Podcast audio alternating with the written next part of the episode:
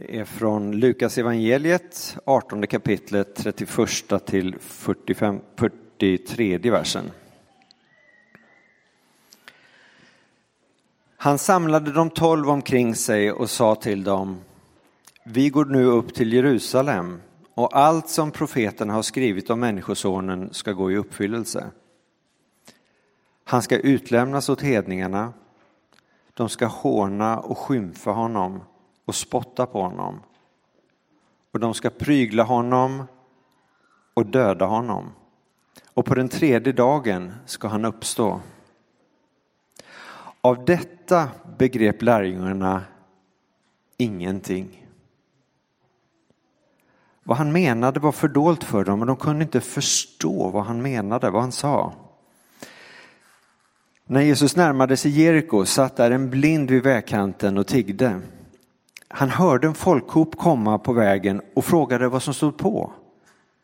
Man talade om för honom att Jesus från Nasaret gick förbi och då ropade han Jesus, Davids son, förbarma dig över mig. De som gick främst sa åt honom att vara tyst. Men han ropade ännu högre, Davids son, förbarma dig över mig. Jesus stannade och sa till dem att leda fram honom. Och då mannen kom närmare frågade Jesus, vad vill du att jag ska göra för dig? Han svarade, Herre, gör så att jag kan se igen. Jesus sa, du kan se igen. Din tro har hjälpt dig. Och genast kunde han se och han följde med Jesus och prisade Gud. Och allt folket som såg det sjöng Guds lov. Så lyder det hela, heliga evangeliet. Lovad vare du, Kristus. Kan du se en väg framför dig? En väg kan ju se ut på väldigt många olika sätt. Den kan vara krokig, den kan vara smal, den kan vara bred, den kan vara kantad av eh, träd eller åkrar eller kanske stängsel. Solen kanske skiner på den eller så ligger den bitvis i skugga. Hur ser din väg ut just nu? Är du på väg någonstans? Har du kanske satt dig ner vid vägkanten? Letar du dig fram eller springer du? Eller ser du ens vägen? I närheten av Jeriko så samlar Jesus sina lärjungar kring sig. Och så säger han, vi går nu upp till Jerusalem och allt som profeterna skrivit om Människosonen ska gå i uppfyllelse. Jesus, han vet vad som väntar. Han vet vart hans väg leder. Han kommer gå in i en kamp. Och den kampen, den krävs för alla människors skull. Och så får lärjungarna återigen det berättat för sig medan de är på väg vad Jesus är här för att göra. Men de förstår ännu inte. Idag så är det, om vi följer kyrkoåret som vi gör här i Saron oftast, så är det någonting som heter fastlagssöndagen. Och det är en förberedelsetid inför fastan som börjar nu på onsdag. Askonsdagen heter den dagen. Och fastan den sträcker sig från askonsdagen till påsk. Fastan är i 40 dagar. Och det är ett tillfälle att avstå någonting för att vinna något annat. Det är ett tillfälle att stanna upp, lyssna in och kanske så kan den perioden få leda till en insikt, en fördjupning eller korrigering.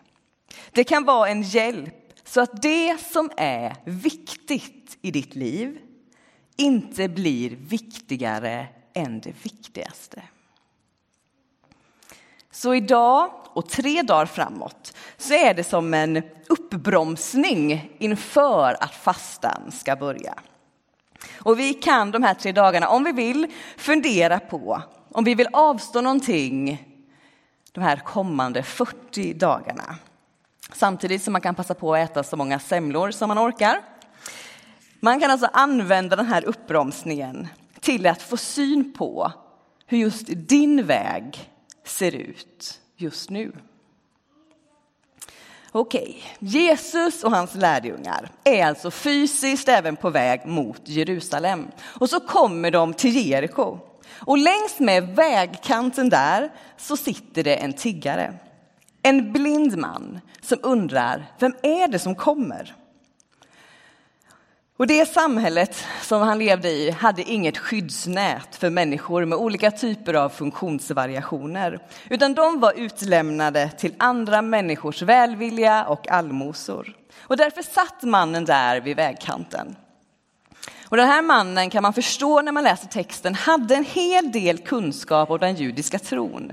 För när han hör att det är Jesus från Nasaret som kommer så förstår han att det är Messias, Davids son som kommer där på vägen. Och så ropar han. Jesus, Davids son, förbarma dig över mig. Och människorna runt omkring liksom tycker att han stör och inte bör påkalla Jesus uppmärksamhet. Men han ropar igen. Jesus, Davids son, förbarma dig över mig. Och Jesus som är på väg, sin stora väg, kärlekens väg mot det han ska göra där på Golgata. Han stannar upp vid den här mannen. Och han visar än en gång att varje enskild människa är viktig. Och så frågar han mannen, vad vill du att jag ska göra för dig? Och den blinde mannen, i Markus evangeliet om man läser samma berättelse där, så kan vi läsa att han heter Bartimaios. Han svarar, Herre, gör så att jag kan se igen. Och Bartimaeus får inte bara sin syn tillbaka där vid vägkanten, utan han ser även in i Jesu ansikte. Han ser Gud och han lämnar vägkanten och följer Jesus. Bartimaeus ser och följer. Lärjungarna, de förstår inte. De ser inte än. Men det gör ingenting, för de är ändå med. De lyssnar, de får erfarenheter, de kanske anar. Men antagligen så stod deras förväntningar, bilder av hur Messias skulle vara i vägen. Det var för svårt för dem att förstå det Jesus berättade, att han skulle dö. Men de lägger allt som de är med om på minnet. Och när de går där upp för backarna mot Jerusalem så tar de till sig och lyssnar och försöker förstå. Och efter uppståndelsen, då börjar allt det de varit med om att klarna. Då blir det begripligt och även de kunde se igen. Kanske känner du igen dig i lärjungarnas sökande och nyfikenhet. Kanske står det saker i vägen för dig för att du ska kunna se Gud. Eller så känner du igen dig i Bartimaeus. Oavsett var på vandringen med Jesus du är, om du har gått med länge, om du sitter vid vägkanten, om du försöker förstå, så kan den bönen som Bartimaeus har bli din. Herre, gör så att jag kan se. Och det är inte en så dum bön för oss som på onsdag, om vi vill, kan gå in i fastan. Det är inte så en dum bön att ha med oss. En del av oss kanske har sett mycket av Gud och anar att det finns mer. Men kanske har du med tiden tappat bort lite av det där som du en gång såg. Det där stora i vem Jesus är. Denna bön är även för dig. Herre, gör så att jag kan se igen. Jag vet inte om alla av er har varit eh, vägg i vägg här med vår kyrka. Saron Second Hand ligger där. De har försäljning på torsdag och lördagar. Men på onsdagar så kan man vara med som volontär och då brukar jag ibland få vara där och ha en liten andakt vid deras fika och så var det i onsdags. Och då så fick jag förmånen att fundera lite grann kring kärlekens väg som är temat idag. Ursäkta, jag är lite småförkyld, kanske ni hör på rösten här. Kärlekens väg i varje fall. Det stora i vad Jesus gör när han går upp till Jerusalem, tar allt elände på sig och dör för den här världens skull. Det är det stora, det är kärlekens väg.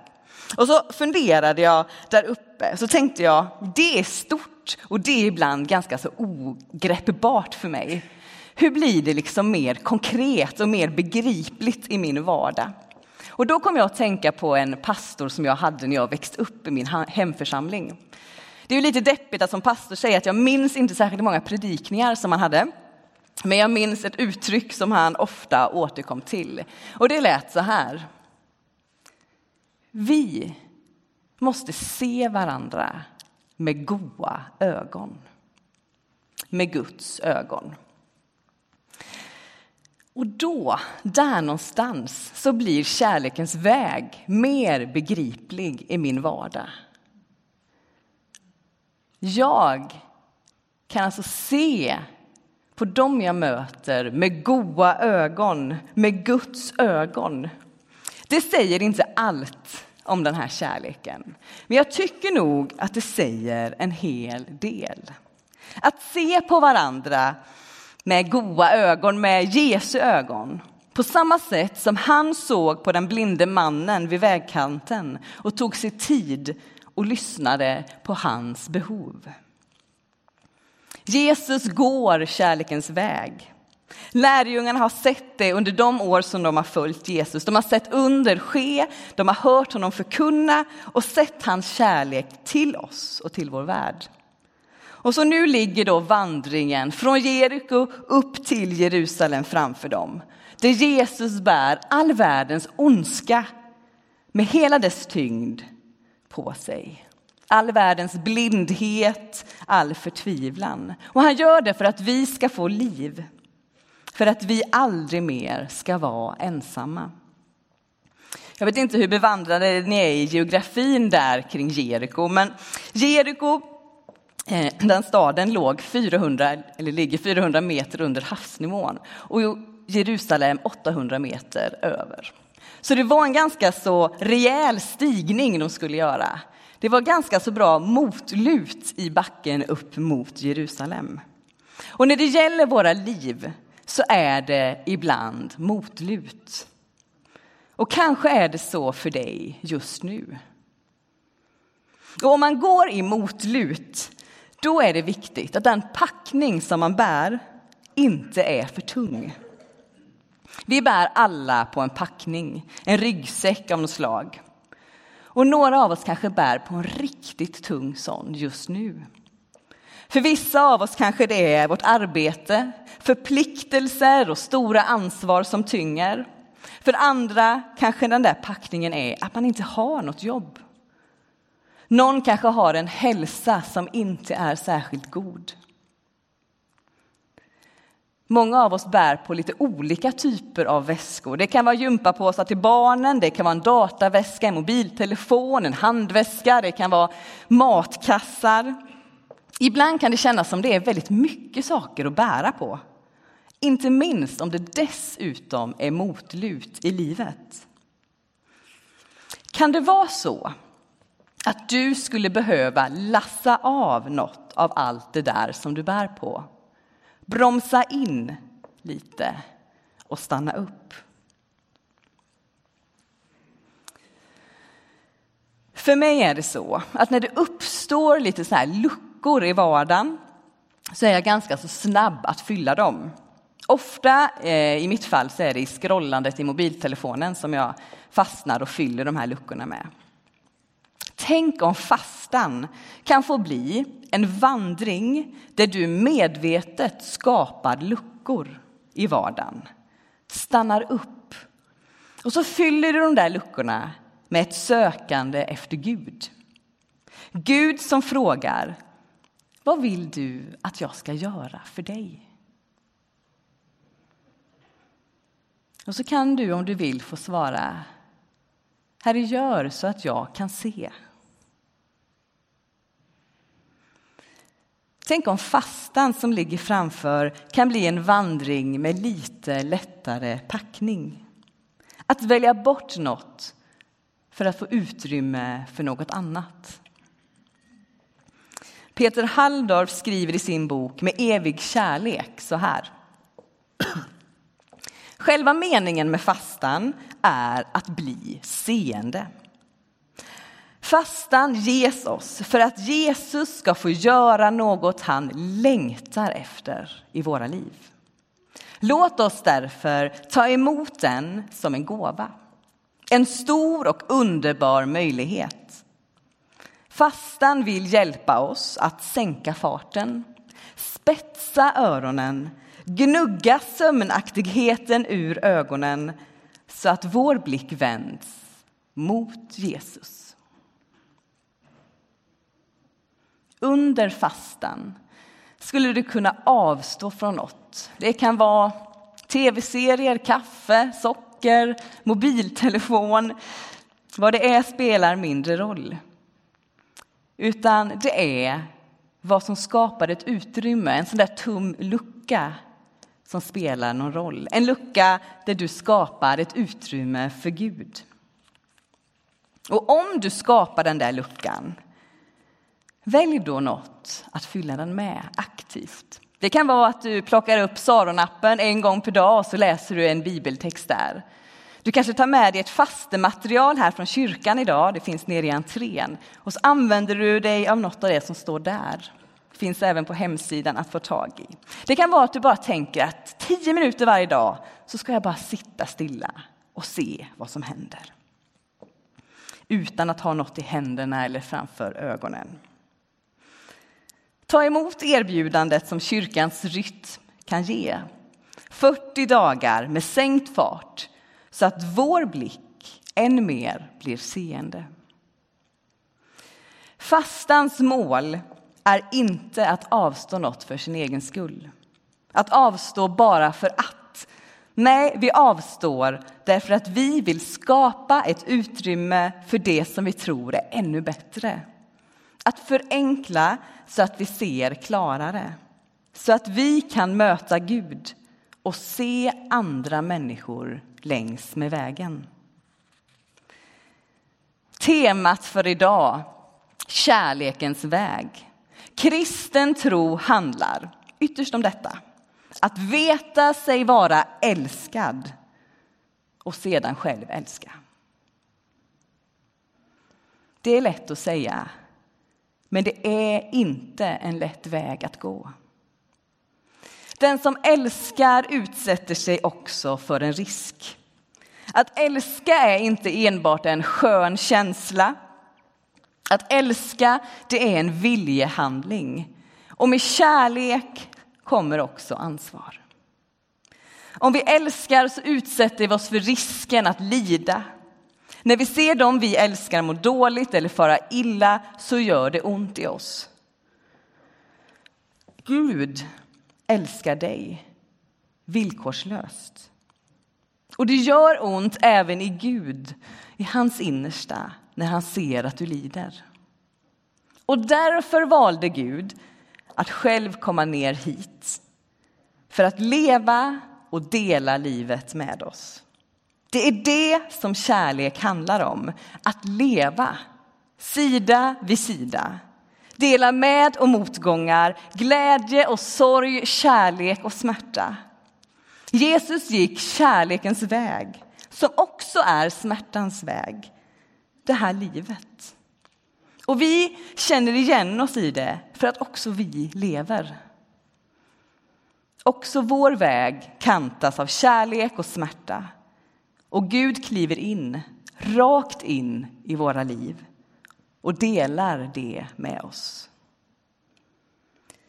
Och det som gäller för Jesus gäller också för hans lärjungar, för dig och mig. Därför vill vi vara med och göra skillnad. Därför vill vi leva i Guds kärlek till människor i vår omgivning. Vi vill vara med och ta ansvar, även om det också innebär smärta och ibland hårt engagemang. Vi vill dela kärlekens väg och vi tror att våra böner och vårt delande med varandra gör skillnad. Snart i vår gudstjänst så kommer vi vara med och be tillsammans med många kyrkor runt om i Sverige. Vi kommer be för de ensamkommande situation här i vårt land. Och det är ett initiativ som är startat av en offentlig Facebookgrupp om ni vill läsa mer. Och vi är med, för vi vill vara med och gå kärlekens väg. Och vi tror att bön gör skillnad. Och när vi snart får fira nattvard så får vi stanna upp och rikta blicken mot Jesus. Vi får ta emot hans kärlek. Det är där det börjar, i tron att vi är älskade. Tron att vi är älskade av Gud oavsett hurdana vi är. Och den här kärleken kan vi få ta emot i nattvarden genom brödet och vinet. Någon kommer att räcka dig bröd och vin och så kommer de säga Kristi kropp utgiven för dig och Kristi blod utgjutet för dig. Ta emot det. Ta det till dig. Det är grunden för att även du ska kunna gå kärlekens väg. Att den vägen också blir din. Vi är en brokig gemenskap, alla älskade av Gud. Och tillsammans så får vi försöka gå och försöka se. Det är inte enkelt och vi behöver ständigt aktivt välja. Och vi behöver hitta tomma luckor i vår vardag. Och det kan hjälpa oss att ta emot och se Gud. Och i nattvarden får vi också ta emot och påminna oss om och närma oss honom så att vi kan se Kristus. Be gärna med mig. Ja, Herre, förbarma dig över oss. Gör så att vi kan se, så att vi kan se dig. Och Herre, vi älskar för att du först har älskat oss. Hjälp oss var och en att ta emot din kärlek så att vi kan gå kärlekens väg tillsammans. Amen.